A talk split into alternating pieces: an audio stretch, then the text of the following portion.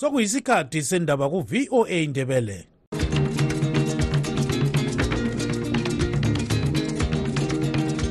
amatshono zihlobo siyalamukela kuhlelo lwethu lwezindaba eziphathelane lezimbabwe. Kustudio 7 eyevoice of america sisakaza sisewashington dc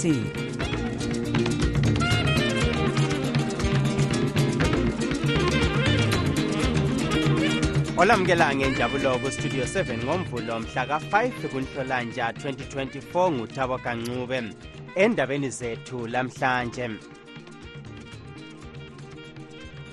Bambonile ukuthi ubekhuluma ngapha liluma liphozisa ukhuluma ngapha kodwa lokhu akukhulumileyo angakwenzi.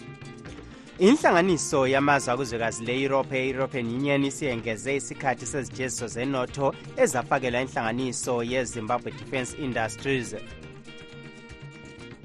Kungasebenza kungekele ukusebenza ngoba-ke abantu bezimbabwe enye ebuhlungu ukuthi banganje badakwe nguthamisa bayamthanda abanye abaningi kodwa-ke akuhlali kunjalo abanye bazoqala ukubona umeya wedolobho lakobulawayo mnumzana david coltart uthi kasoze achiye isikhunda sakhe sokukhokhela leli dolobho ngokuphuma kubandla le-triple c ngoba abantu besithi aqhubeke ngomsebenzi awenzayo.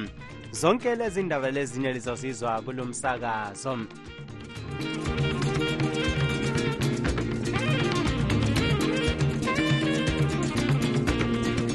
inhlanganiso yamazwe akuzwekazi le-europe e-european union isiyengeze isikhathi sezijeziso zenotho ezethulela inhlanganiso yezimbabwe defence industries.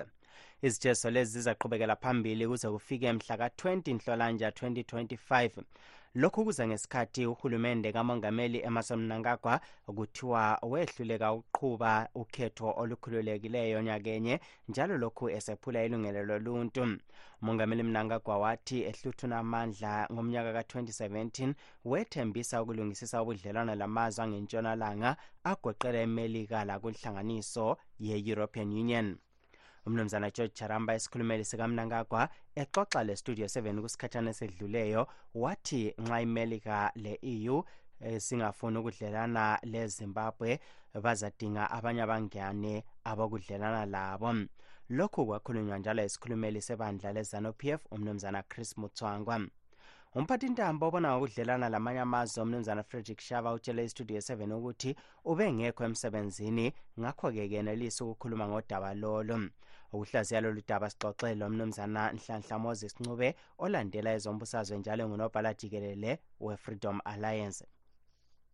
Khona kufanele ukuthi kube yinto engaphathisa kodwa-ke ngendlela yokuthi eh impi yona leyo iyabe ingekho eh abantu ukuvinjwa kwabo kuba yinto elula ngoba futhi ayisibo bantu abazabe kumbe belwisana laye uhulumende ngaleyo ndlela kusuke kube ngathi usizo lwakhona luncinyane. Okuba kuhle kodwa yikuthi umbiko ufike kuhulumende ukuthi ubonakale nguhulumende ongaqondanga ongenzi izinto ngendlela eqondileyo njalo ongavunyelwa ukuthi aye aye embuthanweni yalaba benza kahle umongameli umnangagwa ngesikhathi engena eh okwakuqala 2017 esithi yena ufuna ukuthuthukisa ubudlelwano lamanye amazwe ikakhulu abe-eu lemelika. Nxa sikhangela izijeziso lezi kutshoni ngobudlelwano obukhona phakathi kwezimbabwe le-eu ye lokhu kutshengisa ukuthi lokhu sisesekusikhathi sikamgabi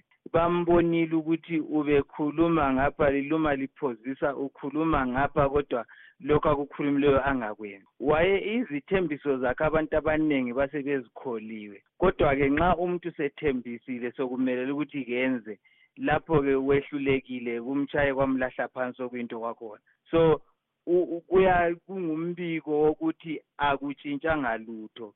Lokhu kufanana langesikhathi sikamgabe. Lokhu abakubiza bathi new dispensation akukho. Kuyisihlahla nje sigqokiswe kwaba ngathi ngumuntu kanti hhayi ngokokwethusa inyoni kuphela.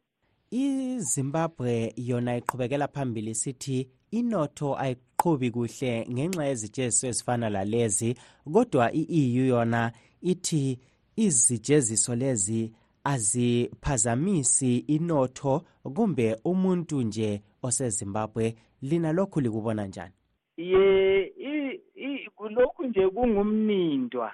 Uyabona ukuthi eh lokho izijeziso zenotho okungathiwa ngama-sanctions sokuyinto esitholakele esingathi ngesingisi yi-scapegoat osokuphethe ukuthi kuzasolwa khona kuthiwe yikho um okwenze lokhu. Umuntu ongenzi kahle izinto emzini wakhe afuna ukuthi kube sekuthiwa hhayi abathakathi yibo abenza ukuthi singaphumeleli. Kodwa yena kunguye oyabe evele nguye umthakathi wakhona oyabe mkhulu yikho khona lokhu esikubona kusenzakala khonapha izimbabwe izijezo zenotho ungayikhangela siyibone nineteen eighty iqala ukwehla umnotho kwaze wayaphuma umgabe waze wazifela lanamhla lokho kuyinto efananayo um ziqanjelwa amanga izijezo zenotho ngabe zingumuntu bezizasukuma ke ziye babuza khona ngale harare ukuthi lokhu elithi ngikwenzile ngikwenze nginga? Ngoba kuyinto nje engekho.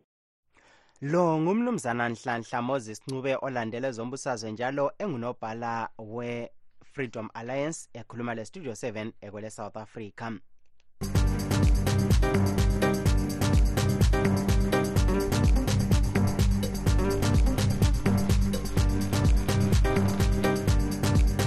Umeya wedolobho lakobulawayo umnumzana david coltart uthi kasoze achiye isikhundla sakhe sokukhokhela leli dolobho ngokuphuma kubandla le-triple c ngoba abantu besithi aqhubeke ngomsebenzi awenzayo njalo wakhuluma lowayekhokhela leli bandla umnumzana nelson chamisa ongazange athi achiye mnumzana coltart wayethe usakhulumisana lezakhamizi ngalolu daba engakathathi lesi sinqumo. Bambalwa ababe ngamalunga e-triple c asebechiye izikhundla belandela inyathelo elathathwa ngumnumzana chamisa njalo iningi lilokhu lisesikhundleni ephalamende kumakhansili lakusenate iningi libuke inyathelo leli elikamnumzana coltart yena othi lokhu kakwenzeli ukuthola inzuzo ngoba ivele ingekho lokhu kwenzakala abathi basebenza lo mnumzana chamisa abagoqela umnumzana gift siziba beqhube umhlangano emanikhaland izolo besazisa abantu ukuthi sokubunjwa ibandla elitsha. Ukuhlaziya lolu daba usithandekile mhlanga westudio 7 uxoxele ngcwethe ecubungele zombusazwe umnumzana bernard abhekilizwe ndlovu owelwela amalungelo abafundi njalo owengumgcinisihlalo webandla le-alliance for people's agenda esouth africa. Ya uvele uyakwenza yena angithi kade kwenza ku-strategic ambiguity bagcina bekusebenzisa ukumnqoba. Akala kukhula eh okungamnikeza ukuthi enelise ukusebenza labantu ipolitiki ezombangazwe zifuna ukusebenza abantu behlanganisa amakhanda eh mncane kakhulu ukuthi abe eh nguntando kayiphiswa i-dictator eyenza okwengqondo yayo kuphela. Sokumkhulela nje sokuphezu kokwenelisa kwakhe. And if kuyaqhubeka kunje nje ekugcineni mhlawumbe sokungaba yinhlanhla ngoba abantu labo sebeyakudaya yabona ukuthi um linto ayisebenzi bese bedinga mpela abaphikisayo abapheleleyo abafuna ukusebenza labanye. Ngezinye indlela uyazilimaza nje yena vele ngiyozilimazayo ekugcineni kuthiwa ngesilungu uzidubule enyaweni. It means ukuthi akasoze ayenelisi ukugijima ma esezidubule unyawo. Manje lokhu-ke okokuthi athume abantu phambili ukuthi bayekhuluma labantu ukuthi sokuzaba lebandla elitsha. Ubona kusebenza yini umbe bekukuhle ukuthi kube nguye ozikhulumelayo? Hayi lapha nje uzenza ohlakaniphileyo ngokubona kwami ukuthi athi yena um wothi acashe a-check ukuthi abantu bathini um mbone ngani iplani yakhe icebo lakhe lokuthi ebesephuma-ke yena ma esezwile ukuthi abantu bayakuvuma lokho. Ukuzenza ohlakaniphileyo kungasebenza kungekele ukusebenza ngoba-ke abantu bezimbabwe into enye ebuhlungu ukuthi bangani nje badakwe nguthamisa bayamthanda abanye abaningi kodwa-ke akuhlali kunjalo. Abanye bazoqala ukubona. Siyabona umnumzana coltart uthi uzaqhubeka engumeya ngoba waxoxa la umnumzana chamisa kazange athi karesign. Balempela incwadi ebhalwe ngucoltart udavid ukhulume ukuhlakanipha okukhulu kakhulu wakhumbuza abantu ukuthi i-politics ayiso about um izikhundla. Waze wafaka le mali ayiholayo ukuthi vele incane ayisiki ukuthi uhlalele lokho laphana laba bazosuka ayibaba beveza ukuthi abasebenzeli abantu balalela izi ukuthi omunye useluzi isikhundla uthathelwe ukuba ngupresident therefore asilweni silwela yena. Hhayi abantu uze wabuza omunye umuntu sixoxa ngelinye ilanga wathi kade indaba bengakwenzanga khona khana barizana ngoba ujob sikhali usejele. Kwenzelwa isikhundla somuntu. So if becabangisisa kahle kumele bacabangele futhi labantu abawenza kanje njengoba nje ukoltateshini yebo ekugcineni eh kubuhlungu okwenziwa okwenziwa ngabantu be- belokhuzana be- be- bezana ukufuna ukuthatha yonke indawo befuna ukubusa zonke indawo. Sokungani nje sokuyiwa ku-one party state ezimbabwe which is kuyinto e- ebuhlungu kakhulu. Kodwa futhi ma usukukhangelisisa eh, eh, kabanzana uyabona ukuthi yibo abakuqalayo ngestrategy kambigwiti yabo um eyavula eh, amanxeba yangena-ke ilokhuzeni imfulu ngenxeba leliyana kwadiliki so yibo ngezinye indlela ngelinye ilanga mase kubalwa imbali. Okuzathiwa ba- baba yisizathu sokuthi kube lalokhu esikukho manje. Ngeke besole omunye umuntu kumele bazisole bona ekugcineni noma nje izinto zezizimbi sezinjalo kuthi sokubi sokunjalo sebejikela abantu bebachiya bese basafuni besenza ukuthi bayoyakha futhi into e- e- e- esebenzela bona nothi esebenzela abantu. Lo lo ngumnumzana Bernard Bhekilizwe Ndlovu ingcwethi ecubunguleza umbusazwe oyelwela amalungelo abafundi njalo oyengumgcini sihlalo webandla le-upper eSouth Africa. Ubexoxa ecingweni lwesithandeli emhlanga owestudio 7 eseharare.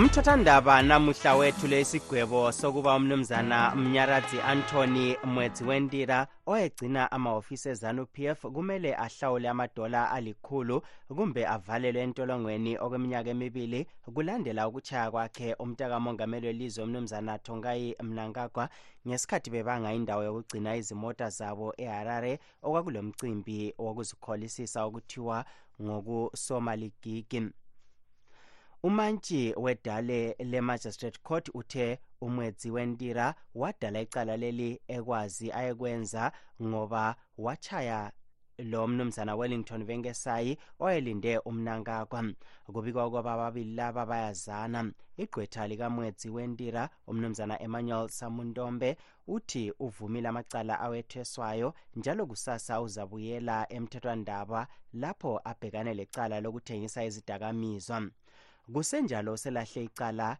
eletheswa umkhokheli wenhlanganiso ye-amalgamated rural teachers union of zimbabwe umnumzana obert masaraure okuthiwa wayefuna ukugenqula uhulumende wezimbabwe. Wetheswa icala leli ngomnyaka ka-2019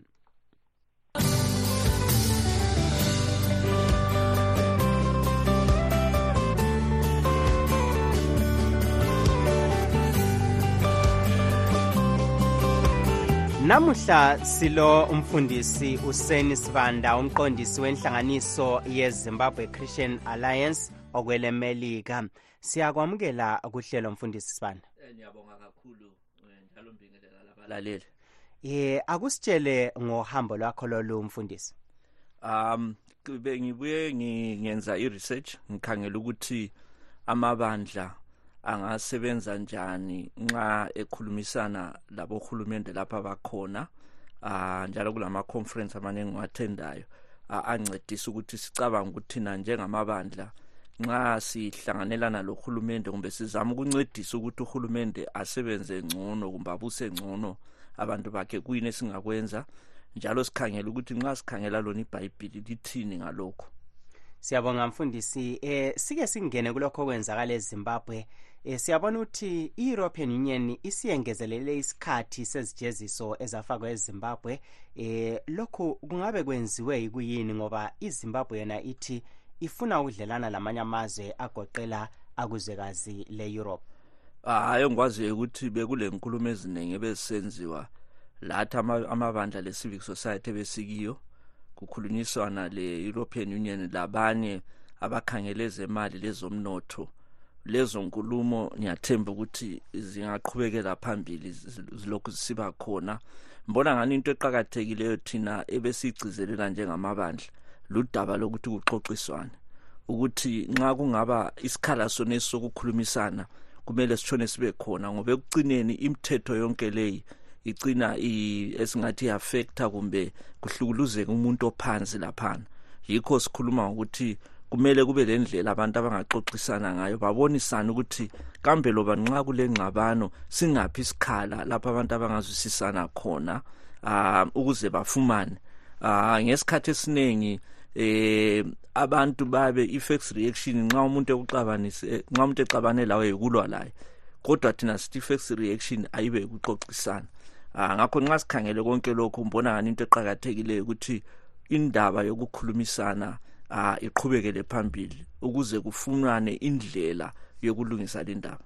Nxa sikhangela ukuxoxisana lapha mfundisi ngobani okufanele baxoxisane? Ngoba sibone eh, umongameli eh, umnankagwa elequla labantu abathwa ngabamabandla aphikisayo achiyeneyo abalethe ndawonye. Eh kodwa abaningi besithi hatshi lokhu akugoqeli umuntu wonke njalo akho eqinisweni ngobani abangaxoxisana la ah mbona ngani indaba eqhakathekileyo endabeni ezinje kumele kuxoxisane uhulumende wezimbabwe le-european union. That's into eqhakathekileyo kodwa lawo ama ixoxisano kade ngikhuluma ngakho okwaku-bilateral kwaku-includa-ke lathi ki-civic society lama-church babe sasile section yethu lapho esicontributor khona.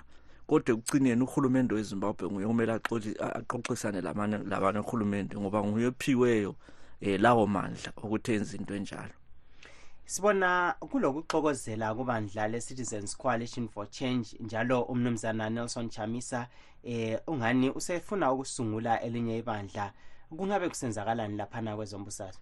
Ah iproblem engathi khona ngobudubo lukhona ukuthi izinto eziningi lezi sizibone ebulenjini ah uyabe ungakwazi ukuthi kambe iqiniso kuyini? Um thina i-approach yethu njengama-church sifuna ukuhlala phansi sikhulume sizwisise sikhulume lo muntu.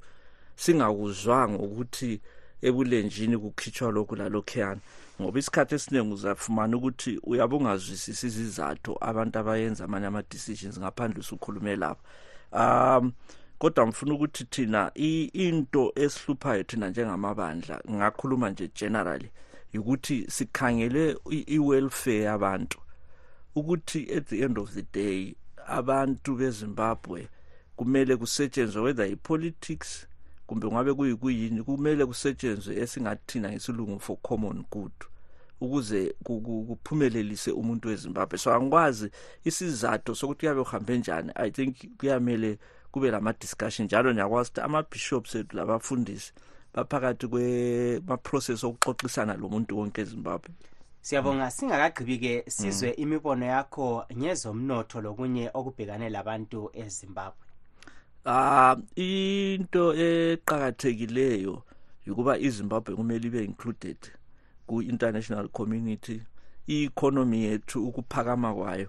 Ah yebo siyazama ukuthi abantu bezisebenze kodwa kuyamele kube lezimali eziba khona ukwenzela ukuthi ama-factory ah indlela zokugebha ngaphansi ukuthi abantu bembe bathola ama-minerals. Konke lokhu kwenziwe ngestandard esingakwanisa ukuproduce okuningi izimbabwe ikwanisa ukukhompyutha labanye. Siyabonga mfundisi useni besilo umfundisi useni ongumqondisi wenhlanganiso yezimbabwe christian alliance yena olapha emelika.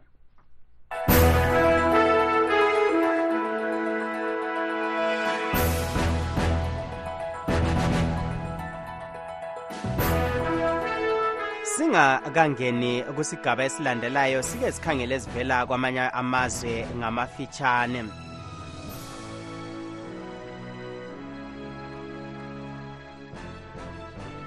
Lilalele kumsakazo we-voice of america sisakaza singapha emelika. Siza lipha ngesinye isikhathi indaba ezivela kwamanye amazwe.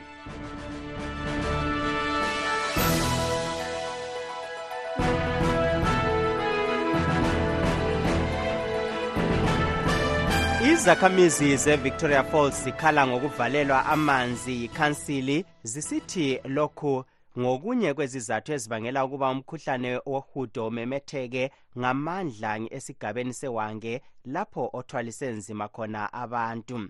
Kubika unokuthaba dlamini. Ikhansili le yasungula ngolwezi nyakenye ukuvalela izakhamizi ezingahlawuli ngemfanelo imali yamanzi loba umemetheka umkhuhlane wohudo esabelweni semathebhelelen north ikakhulu ewange umnumzana gambiza zibayi omunye wabahlali uthi ingcekeza ebangelwa yikuswelakala kwamanzi ezindlini eziningi yiyo ememethekisa umkhuhlane lo. Bengavala amanzi ngesikhathi esinje. Siyakwazi ukuthi silohlupho ezimali but lawa batshengisa ukuthi eh i-concern esilayo umkhuhlane lokuthi singaswela amanzi siyakwanisa ukuthi simemethe. Then njalo indawo lethu ileziyethekelo ezibuya eziningi. So siyacela ukuthi ikhansili ibone ukuthi amanzi abantu bonke bayazuza amanzi. Amabhawuza okungela manzi bekhanye bayafaka amabhawuza ngesikhathi amazwi esakhamuzi lesi agcizelelwe njalo ngumgcini sihlalo we-victoria falls combined residence association umnumzana kelvin moyo othi kufuze ikhansili ibe lozwelo kuzakhamizi kuvulwe amanzi ngoba kunje izambuzi eziningi kazisebenziseki.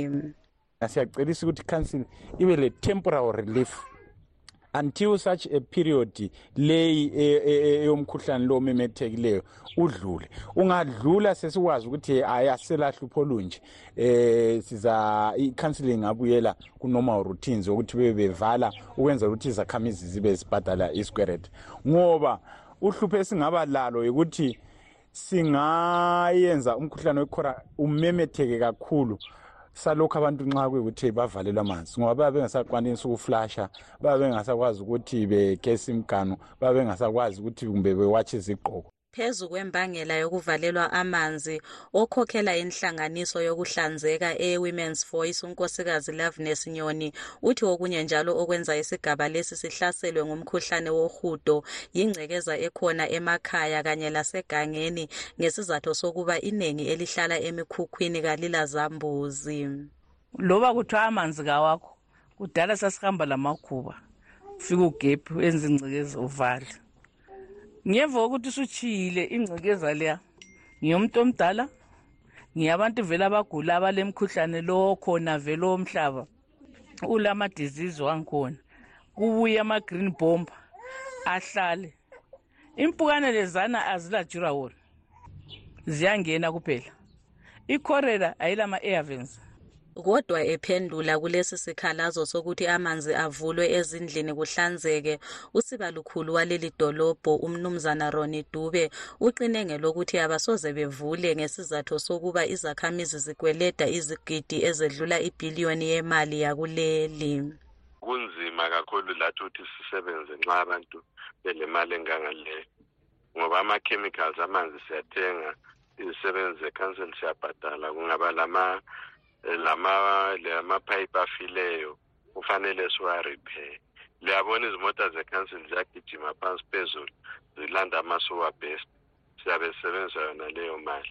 So kuba nzima ukuthi sithi sivume ukuthi izakhamuzi zingabhadali. Engingakukhuthaza ukuthi olesikweleti esimehlulayo abuye ekhansilini azoyenza i-arrangement yokuthi engabhadala njani. Uhlupho lokuswelakala kwamanzi okwenzakala edolobheni leli kuyimvama njalo lakwamanye agoqela kobulawayo kanye leharare. Ingcwethi kwezempilakahle zithi ukuze umkhuhlane lo owaqala ngenyanga kanhlolanja nyakenye uphele kufuze abantu bethole amanzi eneleyo njalo ahlanzekileyo.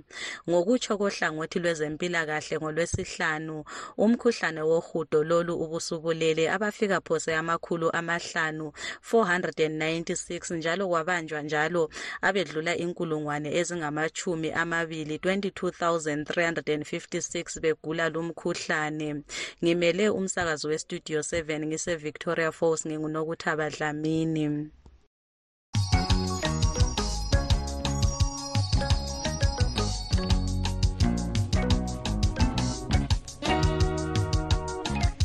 Induna ezabelweni zemathebelelen north zithi azikhululekanga ukuzezwa uhlelo lokukhulumisana lozulu ngombhuqazo wegugurawundi zithi uhlelo lolu alukacaci kangako ngakho-ke kumele zikhokhelwe kahle nguhulumende ebambisana lenhlanganiso ezizimeleyo hatshi ukuba kuyebuzwa abantu abakhahlanyezwa yigugurawundi kuphela umbulali ezihlalele sizame ukukhuluma leziphathamandla zikahulumende ezimbalwa ngodaba lolu kodwa bezingaphenduli umakhalekhukhwini. Umongameli emerson mnangagwa uthi kuqakathekile ukuba lulungisiswe udaba lolu ngoba baningi abantu abakhahlanyezwa ngumbhuqazwelo yena uphika ukuba waphatheka kumbhuqazwe wegugurawundi. Sixoxe ngodaba lolu londuna amathema owekhezi. Sisebenzise okwenziwa ngumhlaba nje wonke ngoba okurivetiwili lokhu. Ngibona ngani kuseceleni njalo izinduna zona bekufanele ukuthi nxa zihamba zisiya ebantwini bazo kumbe kuma-subjects azo zingahambi ukuthi zihamba ziyizinduna bekufanele zazifanele ukuthi zihambe zisiyanika ama-subjects azo i-confidence yokuthi njengoba uhlelo into yekugurawundi leyo sonke siyakwazi ihlale kakhulu ngaphansi kwekhapheti okwanamhlanje sokubekiwe ukuthi bephezu kwetafula okokuthi abantu ukuthi bavuleke babengake bavuleke abantu. Nxa ukhangele i-composition ye-national peace and reconciliation commission babengeke bavuleke ukuthi baveze okungaphakathi kwabo ngoba kwakungabanye abantu ababe bevela engxenye. Abaphathelene lolimi lololu futhi olwabaphambanisayo ngesikhathi sona sana kubulawa abantu. So abantu babengeke bakhululeke ukuthi bakhulume. Ungakhangela yona leyani elabonare kwakulonare lolesli uncube yibo abantu ababekulo umhlubulo. Engangikhangelele ukuthi nxa kwakuyikuthi khona kuhanjwa kusiyabonwa abantu kwakufanele ukuthi kube lezinduna phakathi kwenzela ukuthi izinduna zinike abantu i-confidence ngaleyi subject ukuthi abantu bakhululeke bakhulume konke. Ngoba abantu induna yabo isikhathi eziningi bayithemba nxa behlala layo ngoba babekwazi ukuthi layo nxa ileli ingadlanga njalo kulezimfa phakathi kwesigaba iyabe khona ilapho ye lapha siyabona ukuthi sibili ibheji longani lijekile sibili. So-ke lina libona ngazani lizakwekela kumbe lizaqhubekela phambili likwenze asingaze sikwenze kumbe sikwenze ngendlela yokuthi labo abanye bathi kwenziwe kwenziwe. Kodwa kasoze kusinika ama-results afiswa ukuthi ilizwe lelatshwe ilizwe liyabe lisala ligula lizabe lisala liqhula liyabe lisala lilobuhlungu. Abantu bayabe befuthelene. Kuyabe kufanana nje lokuthi kasenzanga lutho. Siyabe sizame nje ukwenza izaba so manje nxa sesikhangele nduna kumele liqale nini uhlelo lolu?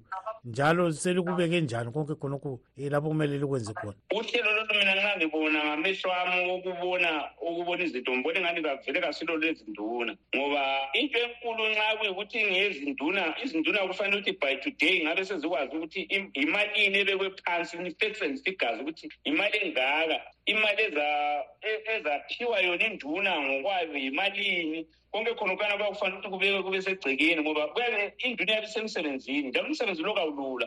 Is a traumatic job. Ongengikhangelela ukuthi induna kuyabe kufanele ukuthi kube sokubekiwe ukuthi kudingakala imihlangano emingaki ngesigaba kumbe nge-village ngoba singakhumbula into leyi yegugurawundi yinto eyabantu abasebeluphele kakhulu. Abanye abanye bafuna ukulandwa one on one basis ukuthi labo bayikhupha okungaphakathi kwabo abangasenelisi ukuthi bamove from one point to the next point.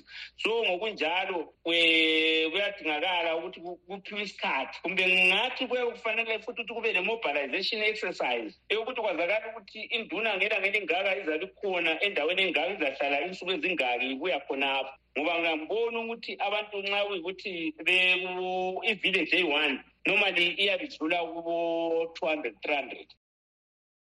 Le yinduna umathema ekhezi ubexoxa logibbs dube westudio 7 esegwanda.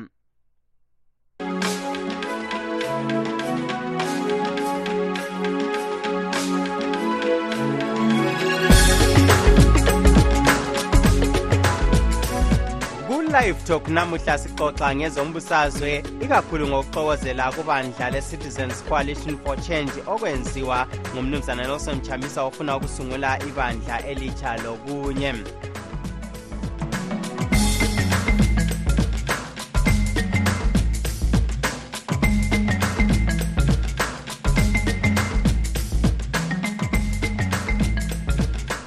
singakagqibi uhlelo lanamhlanje wothi sikhangele ebesilazo.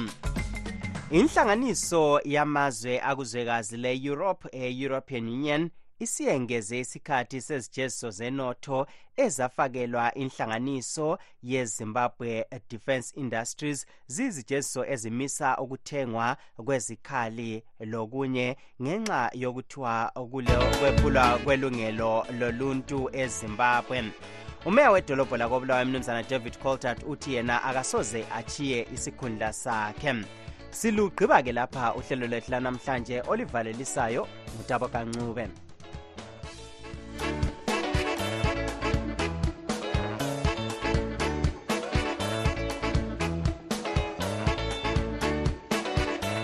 siyalibonga ngokulalela kwenu. Asibeke ithuba elifanayo kusasa kustudio 7 kusukela ngo-half past 7 kusiya ku-8 o'clock ntambama kuhlelo lwezindaba zezimbabwe. Tinotenda nekuteerera chirongwa chedu. Teererai zvakare mangwana kubva na7 p m kusvika na730 p m. Apo tinokupai nhau muririmi rweshona. Lilani. Muraranaka mhuri yezimbabwe